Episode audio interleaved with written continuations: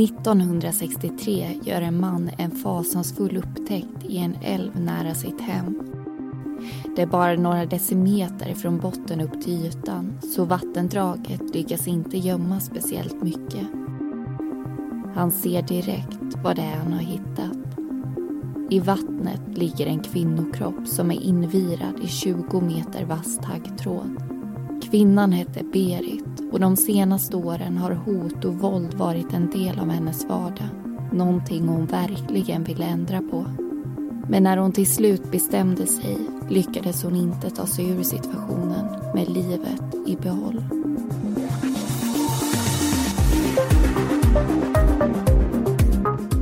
Du lyssnar på Mordpodden, en podcast om den mörka verkligheten. I veckans avsnitt berättar vi om taggtrådsmordet.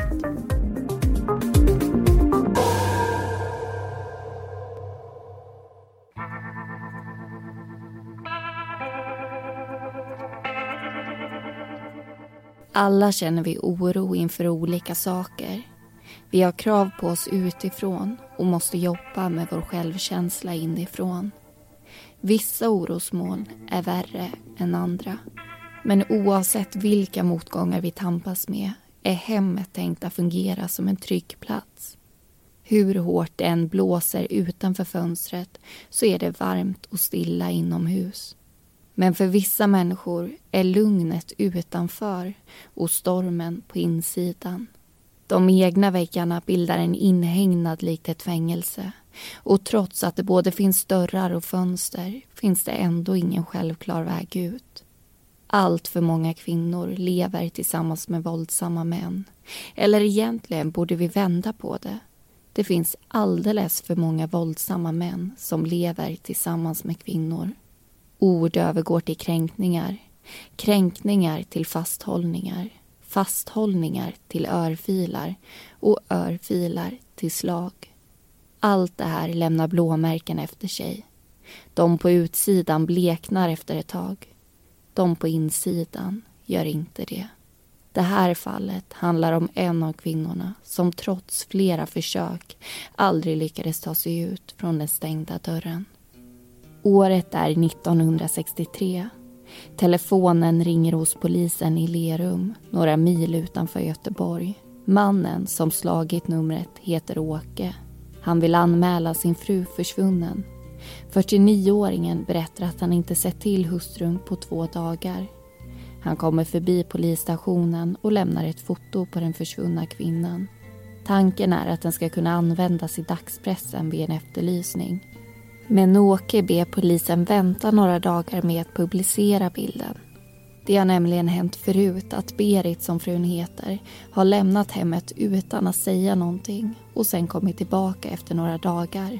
Åke är därför inte speciellt orolig utan säger att de kan efterlysa henne på måndag om hon fortfarande inte dykt upp. På söndagen får polisen i Lerum ytterligare ett telefonsamtal från en person i Berits närhet nämligen hennes syster Helen som befinner sig i Göteborg hos kriminalpolisen. Hon är uppenbart oroad för sin syster och frågar om Åke anmält henne försvunnen. Polisen berättar att han har varit där men att han ville vänta med efterlysningen till måndagen.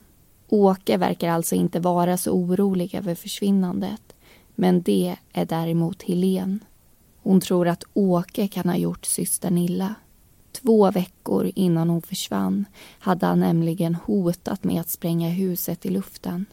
Söndagens timmar försvinner iväg och övergår till en ny vecka utan att Berit kommit hem igen. Så på måndagen lämnar polisen över signalement och foto till massmedierna som publicerar uppgifterna dagen därpå.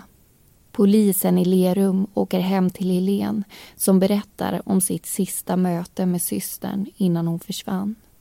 Det är torsdagen den 13 juni 1963. Klockan ska strax passera åtta på morgonen. Berit, som bor i sommarhuset bredvid, kommer förbi med sin 11-åriga dotter. Hon frågar om Helena har möjlighet att se till dottern i några timmar. Själv ska hon åka in till Rådhusrätten i Göteborg. Klockan 11 ska hon och maken Åke se till att de inte längre är man och fru. Det är dags att skilja sig. Någonting som Berit har velat länge. Hon hade egentligen tänkt ta bussen in till mötet men Åke hade ringt och erbjudit sig att hämta upp henne med sin bil. Ett erbjudande hon valde att tacka ja till. På rösten verkade det som att han hade en bra och lugn dag idag. Klockan tio kommer Berits dotter in till Helen och berättar att föräldrarna åkte iväg med bilen. Dagen går. Klockan är nu sex på kvällen.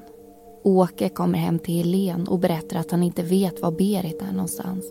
Han påstår att han varit hemma i villan och tittat men att frun inte varit där. Sen gör Åke någonting väldigt märkligt. Han tar fram Berits körkort och vigselringar. Här är ringarna. Hon kommer nog inte tillbaka, säger han till den oförstående systern. Och det är någonting mer hon reagerar på under deras samtal. Åke pratar gott om Berit. Ingen var enligt honom så bra som hon. Men han använde sig inte av ordet är, utan var. Som om Berit har funnits, men inte längre finns. Det får tankarna att vara iväg till någonting Berit har sagt förut. Jag kommer nog inte ifrån det här med livet i behåll, hade hon sagt. Och med det här menade hon skilsmässan. Nu hade alltså Berit och Åke varit vid rådhusrätten för att göra verklighet av skilsmässan och Berit är borta. Hade hon haft rätt med det hon sa? Det är nu tisdagen den 17 juni. Berits foto cirkulerar i tidningarna och det är dags för Åke att berätta vad han vet. Polisen åker hem till honom. Mannen berättar att han mycket riktigt hade åkt tillsammans med Berit till skilsmässoförhandlingarna i Göteborg. De hade bara hunnit åka någon kilometer när Åke sa till Berit att han tänkte ta vägen förbi deras son och lämna dricka och bullar som han köpt. Men frun ville inte följa med. Hon hoppade ur bilen och ska enligt Åke ha sagt att det här skulle bli sista gången de sågs. När Åke kom fram till rådhusrätten väntade han utanför på sin hustru så de kunde gå in tillsammans. Han visste nämligen inte vilken avdelning han skulle till. Men hon dök inte upp och 40 minuter efter avtalad tid åkte han därifrån. Det hade alltså aldrig blivit någon skilsmässoförhandling. Han körde hem igen för att se om Berit befann sig där. Men det gjorde hon inte. Efter att hon hoppade ur bilen har Åke varken sett eller hört något från henne. Polisen frågar hur Berit hade varit och mått den senaste tiden. Om hon hade varit annorlunda på något sätt. Åke berättar att han upplevde henne som lite underlig och att hon hade haft väskan full med tabletter. Så någonting märkligt med henne hade det alltså varit. I alla fall ville Åke att polisen skulle tro det. Som kronan på verket påstår Åke att Berit för några veckor sedan Ryan Reynolds here from Mint Mobile. With the price of just about everything going up during inflation, we thought we'd bring our prices down. So to help us, we brought in a reverse auctioneer, which is apparently a thing. Mint Mobile unlimited premium wireless. Ready to get 30, 30, bit to get 30, bit to get 20, 20, 20, bit to get 20, 20, bit to get 15, 15, 15, 15 just 15 bucks a month. So, Give it a try at mintmobile.com/switch. slash $45 up front for 3 months plus taxes and fees. Promo rate for new customers for limited time. Unlimited more than 40 gigabytes per month slows. Full terms at mintmobile.com. sagt att hon skulle göra slut på allt sammans. Vad hon menade med det, det visste han inte.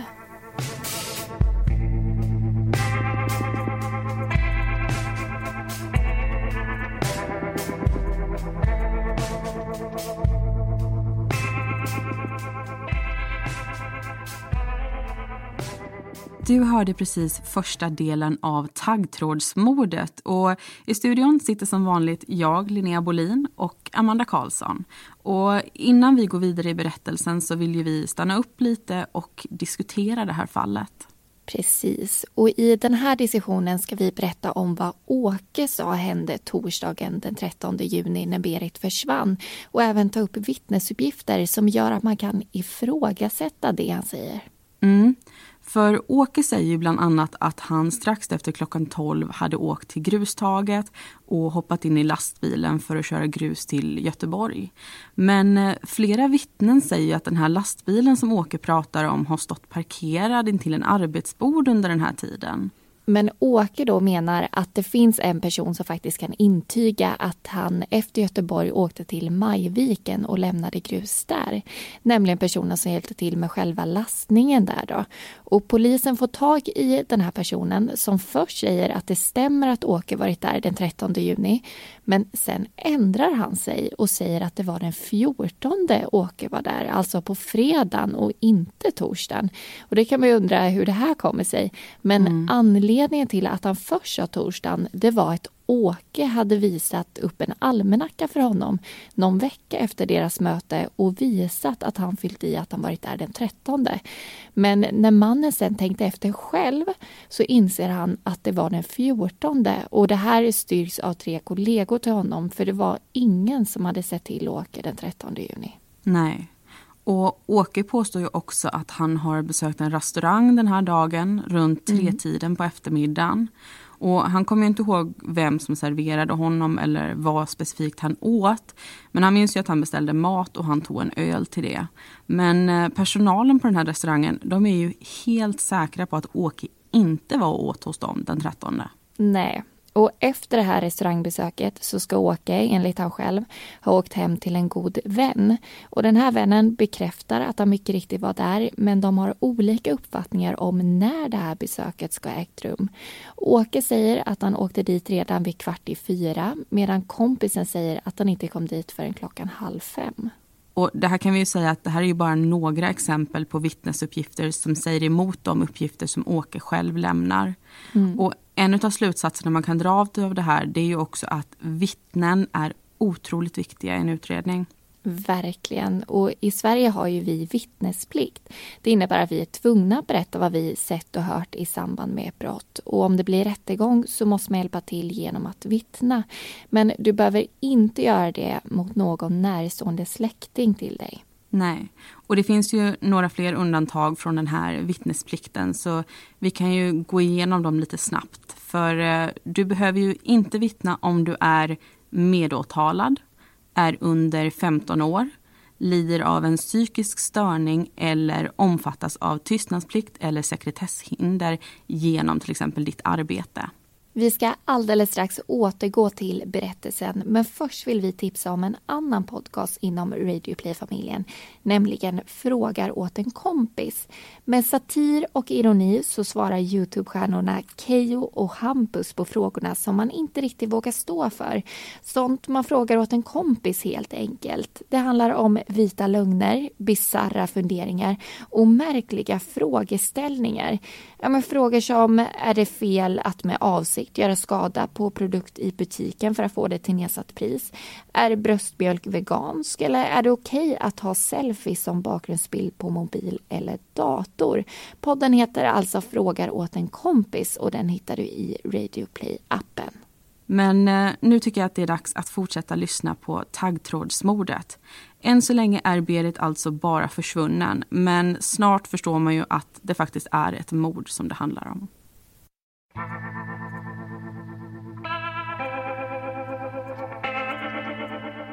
Torsdagen den 20 juni, ett par dagar efter att Berit efterlystes i dagspressen får det mystiska försvinnandet sin förklaring. Arvid som bor på en gård i norra Bohuslän gör en fasansfull upptäckt i Kynne älv, knappt två kilometer från Tegen. I vattnet, alldeles intill en enslig skogsväg, får han syn på ett kvinnolik. Älvens vatten är bara tre decimeter djupt. Den döda kvinnan är helt insnärjd i 20 meter vass taggtråd. Arvid larmar ortspolisen på en gång och när de kommer till platsen förstår de direkt att det inte handlar om en olycka utan ett brott. Det finns inte en chans att kvinnan kan ha lyckats vira in sig i taggtråden på egen hand. Polisen fotograferar liket och platsen men är noga med att inte röra någonting utan ta kontakt med stadspolisens kriminalavdelning i Göteborg som tar över ärendet.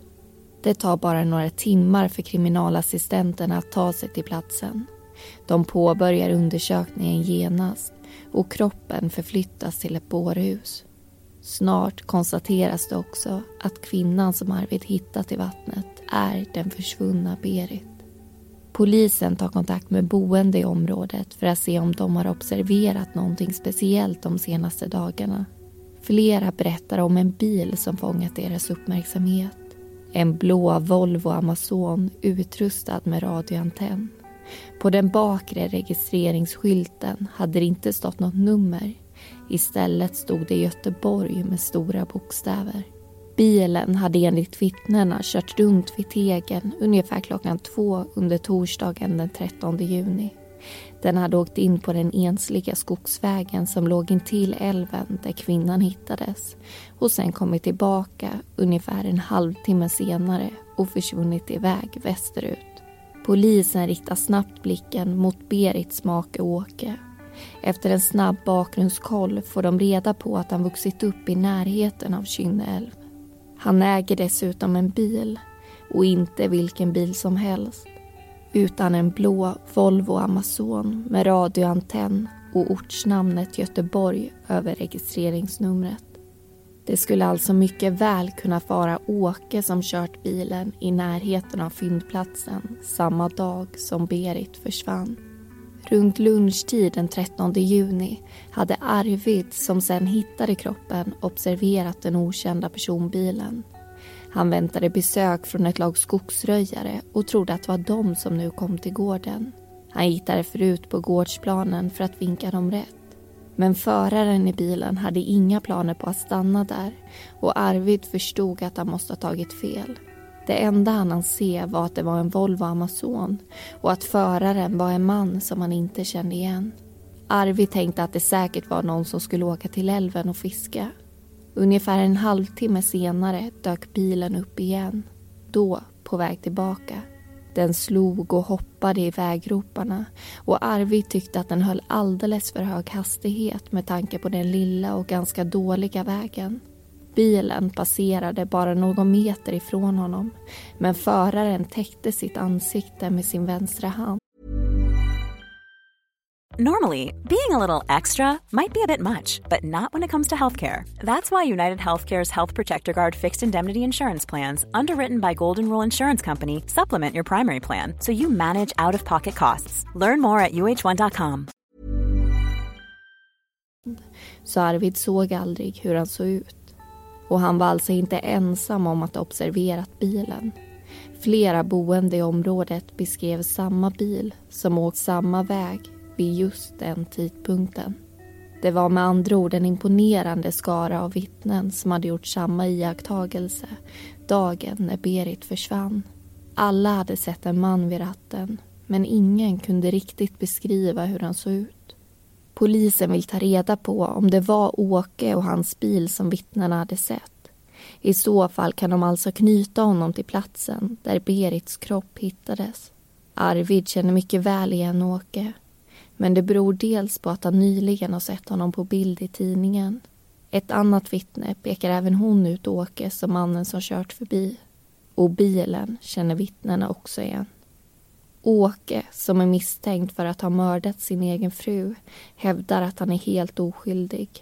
Utredarna förstår på en gång att det här kommer bli en svår nöt att knäcka. De får tidigt en bild av hur Åke är som person och förstår att han inte kommer hjälpa dem med information utan förmodligen neka hela vägen fram till en eventuell dom. Tvärtom visar tidigare händelser i hans liv att han troligtvis skulle göra vad han kunde för att försvåra utredningen. Förhören är otydliga och röriga och det är svårt att få fram någonting konkret av Åke att gå på. Han kommer hela tiden med nya detaljer kring vad som hände dagen när Berit försvann. Polisen bestämmer sig därför för att ta med Åke till Kynne älv. De frågar om han känner till platsen, vilket han spontant erkänner att han gör. Åke berättar att han vuxit upp bara någon kilometer därifrån. När han var barn hade han lekt och sprungit i området och fiskat i älven. Jag känner allt till älven här omkring säger han. Vattenståndet är mycket beroende av vädret. Vid torka faller vattnet så att det bara finns vatten i de djupa hålorna, berättar han. Men Åke säger också att han senast varit vid älven någon gång i september 1959. Men polisen misstänker att Åke ljuger.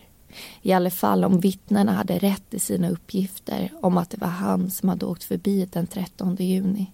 Samtidigt måste polisen med säkerhet veta att det inte var en annan Volvo Amazon som observerades av de boende i Tegen. Därför får all polispersonal i Göteborgstrakten och Bohuslän i uppdrag att göra anteckningar över alla Volvo Amazon de stöter på med registreringsskylten Göteborg där bak. De tar även hjälp av medierna för att nå ut till allmänheten. Totalt får de in tips om åtta olika bilar som skulle kunna stämma överens med kriterierna. Men när polisen tittar närmare på dem inser de att det bara är tre av dem som är identiska med Åkes. De övriga fem har någon eller några detaljer som skiljer sig från vittnesmålen. Men ingen av de åtta bilarna har varit i närheten av byn Tegen den 13 juni. Det återstår alltså en bil, Åkes.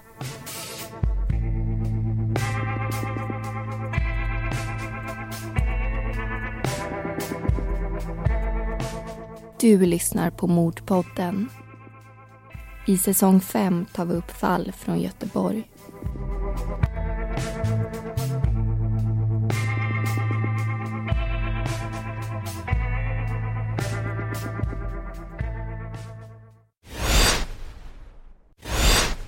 Då var vi tillbaka i studion igen efter att ha lyssnat på andra delen av taggtrådsmordet. Och I den här diskussionen så ska vi prata om den tekniska undersökningen som gjordes i det här fallet.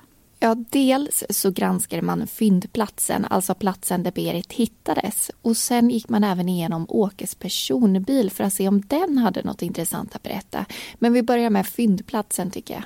Mm. Teknikerna konstaterar ju först och främst att Berit inte kan ha vilat in sig i den här taggtråden själv utan det måste vara ett brott som det handlar om. Och troligtvis så hade ju kroppen sänkts ner i älven ungefär 90 meter ifrån den plats där den hittades av Arvid.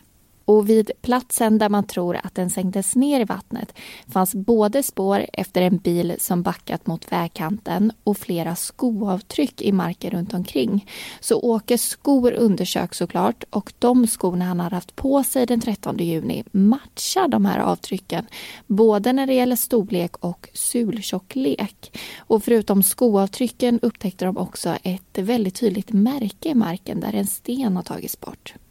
Och den här stenen den hittar de ju på älvens botten där kroppen troligtvis har sänkts i vattnet.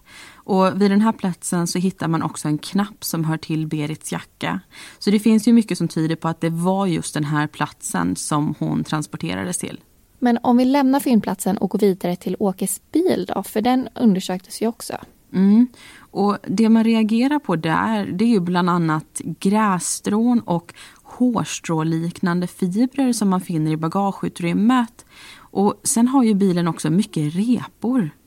Ja, gummimattan som ligger i bagaget är ett exempel på det. Den har flera revor som ser ut att ha skapats av något vasst föremål. Och även reservdäcket har ju repor som nog kommer från någonting spetsigt tror man. Och flera av de här reporna som teknikerna upptäcker, de ser ut att vara ganska färska. Ja, och att det är något vasst och spetsigt som verkar ha fraktats i bilen är såklart intressant med tanke på att Berit var invirad i taggtråd. Mm. Men det är ju inte bara repor och revor som man reagerar på. För på höger framsäte finns konturer av en ganska stor fläck, ungefär 25 gånger 20 centimeter på tygklädseln. Och Det finns ju också en fläck på den högre framdörrens galonklädsel precis under veven till rutan. Och den här är ju mycket mindre, bara några millimeter stor. Men eh, den är svagt brunröd och det visar sig faktiskt vara intorkat blod. Och om vi ska sammanfatta det här då, så visar alltså den tekniska undersökningen att det är möjligt att kroppen och taggtråden fraktas i bilen och att det skulle kunna vara Åke som trampat runt i området där kroppen lagts i vattnet. Men samtidigt så kallar man det här för ett indiciemål. Det var helt enkelt svårt att bevisa helt och fullt att Åke var gärningspersonen. Mm. Men eh, nu ska vi lyssna vidare på berättelsen och vi ska nu få veta mer om Åkes liv och hans relation till Berit.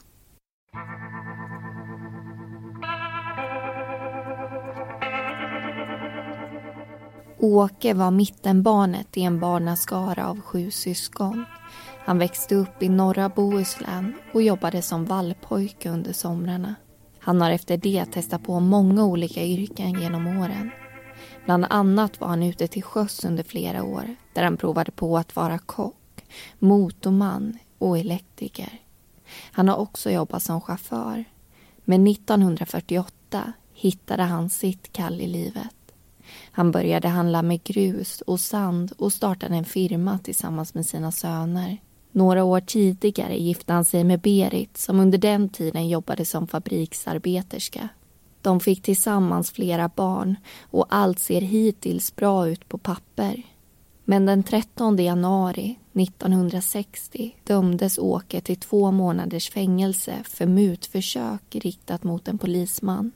Men ärendet gick vidare till hovrätten som gjorde en rättspsykiatrisk undersökning. I samband med utredningen berättade Berit att maken nyligen hade uppträtt hotfullt i hemmet. Hon hoppades därför att han skulle bli omhändertagen. Den psykiska undersökningen visade att Åke begått brottet han åtalats för under inflytande av manisk psykos. Han togs därför in på Sankt Jörgens sjukhus den 31 januari 1961 och kom ut igen 30 september samma år. Men det skulle tyvärr inte hindra honom från att begå nya brott.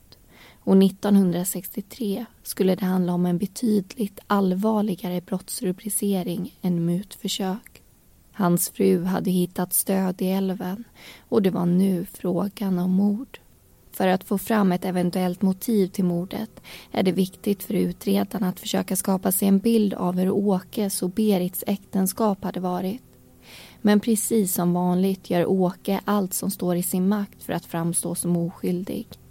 Han delar därför med sig av en väldigt positiv bild av deras relation. Han berättar att de hade haft det bra tillsammans och att Berit hade varit exemplarisk på att ta hand om både hemmet, barnen och familjens ekonomi. De hade enligt honom haft ett helt normalt äktenskap och bråkade inte mer än någon annan. Han säger att han alltid har varit snäll mot Berit och behandlade henne med kärlek och respekt och skämde bort henne så mycket han kunde med materiella ting. Dock beskriver han henne som en spänd och nervös person. Egenskaper som hade blivit starkare den senaste tiden. Och han menar att det var det som låg till grund för hennes återkommande prat om skilsmässa och upprepade flyktförsök från hemmet. I hans ögon låg det inget allvar bakom hennes önskan om att äktenskapet skulle ta slut. Han är säker på att hon skulle ha tagit tillbaka sin skilsmässobegäran även den här gången. Om de hunnit längre den där torsdagen då allt fick sitt slut. Och att han någonsin skulle ha gjort henne fysiskt illa eller hotat henne till livet hävdar han är ren lögn. Men det finns också en annan bild av deras relation.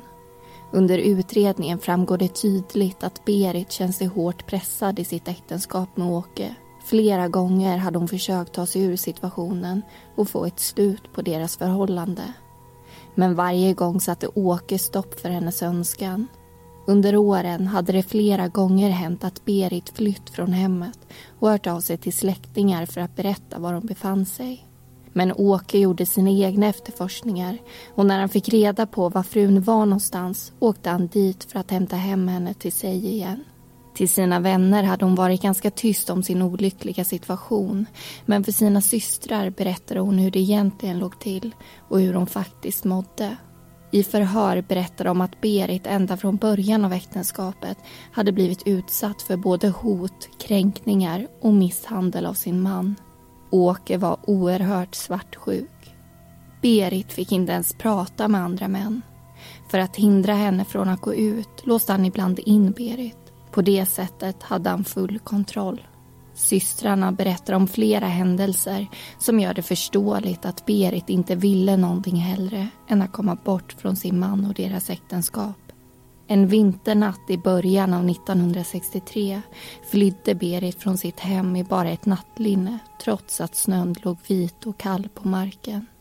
Hon gömde sig vid en liten sjö i närheten i ett skjul.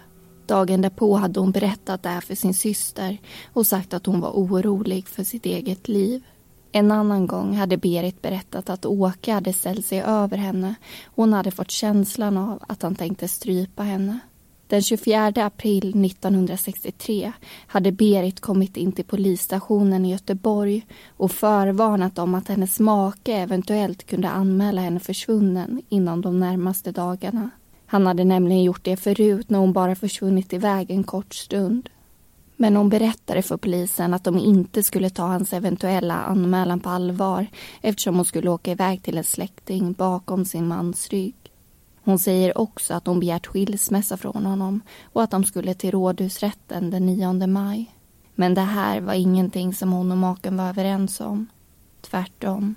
Det var helt på hennes egen begäran och Åke hade hotat med att hon kanske inte skulle få möjlighet att uppleva den 9 maj om hon inte tog tillbaka sin skilsmässoansökan. Och det blev aldrig någon skilsmässa den gången. Åke hade tvingat Berit att ställa in det planerade mötet på rådhuset. Berit hade vid flera tidigare tillfällen försökt lämna äktenskapet och den 13 juni var hon alltså bestämd på att det skulle ske. Under de senaste nio åren av sitt liv hade hon vänt sig till Göteborgs stads rättshjälpsanstalt för att få hjälp med sin skilsmässa. De första fem tillfällena slutade med att Berit avbröt sitt ärende på grund av löften av sin man att bättra sig och rena dödshot. Vid det sjätte tillfället hade det varit en kvinnlig advokat som hjälpt Berit. Hon förstod att kvinnan framför henne var rädd för sin make och att en skilsmässa var det enda hon önskade och det sista han ville. Den 24 april hade advokaten fått ett telefonsamtal från en man som uppgav sig för att vara Berits bror. Han hade sagt åt henne att lägga ner målet och advokaten misstänkte att det var maken själv som hade ringt. En annan gång hade Berit hört av sig. Hon var väldigt upprörd och berättade att Åke hotade med att spränga huset i luften. Maken hade till slut fått henne att skriva under pappret där hon återkallade stämningen. Men den 13 maj åkte hon själv till anstalten och berättade att hon trots allt ville fullfölja ärendet. Enligt en av hennes systrar hade hon den 10 juni, alltså tre dagar innan hon försvann, sagt Varför ska jag alltid behöva fly? Jag stannar här. Jag behöver inte alltid åka bort. Jag kan få vara i huset. Nu får det bära eller brista, för nu ska jag genomföra skilsmässan. Och den 13 juni klockan 11.00 var det dags. Men varken Åke eller Berit kom dit. Berit, som gång efter gång hade försökt ta sig ur det olyckliga äktenskapet för att skapa sig ett tryggt och lyckligt liv, hade precis som mannen hotat med inte kommit ur skilsmässan med livet i behåll.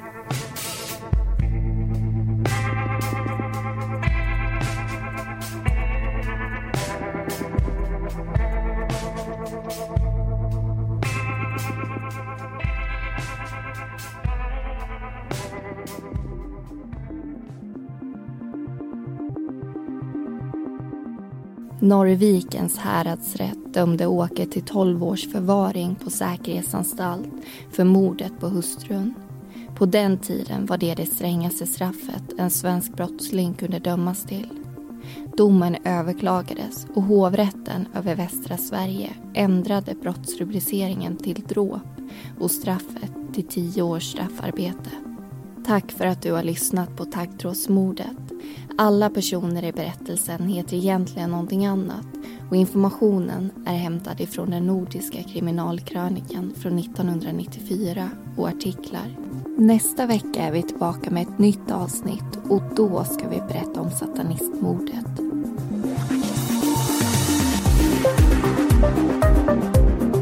Du har lyssnat på Mordpodden. Vi som har gjort den heter Amanda Karlsson och Linnea Bolin.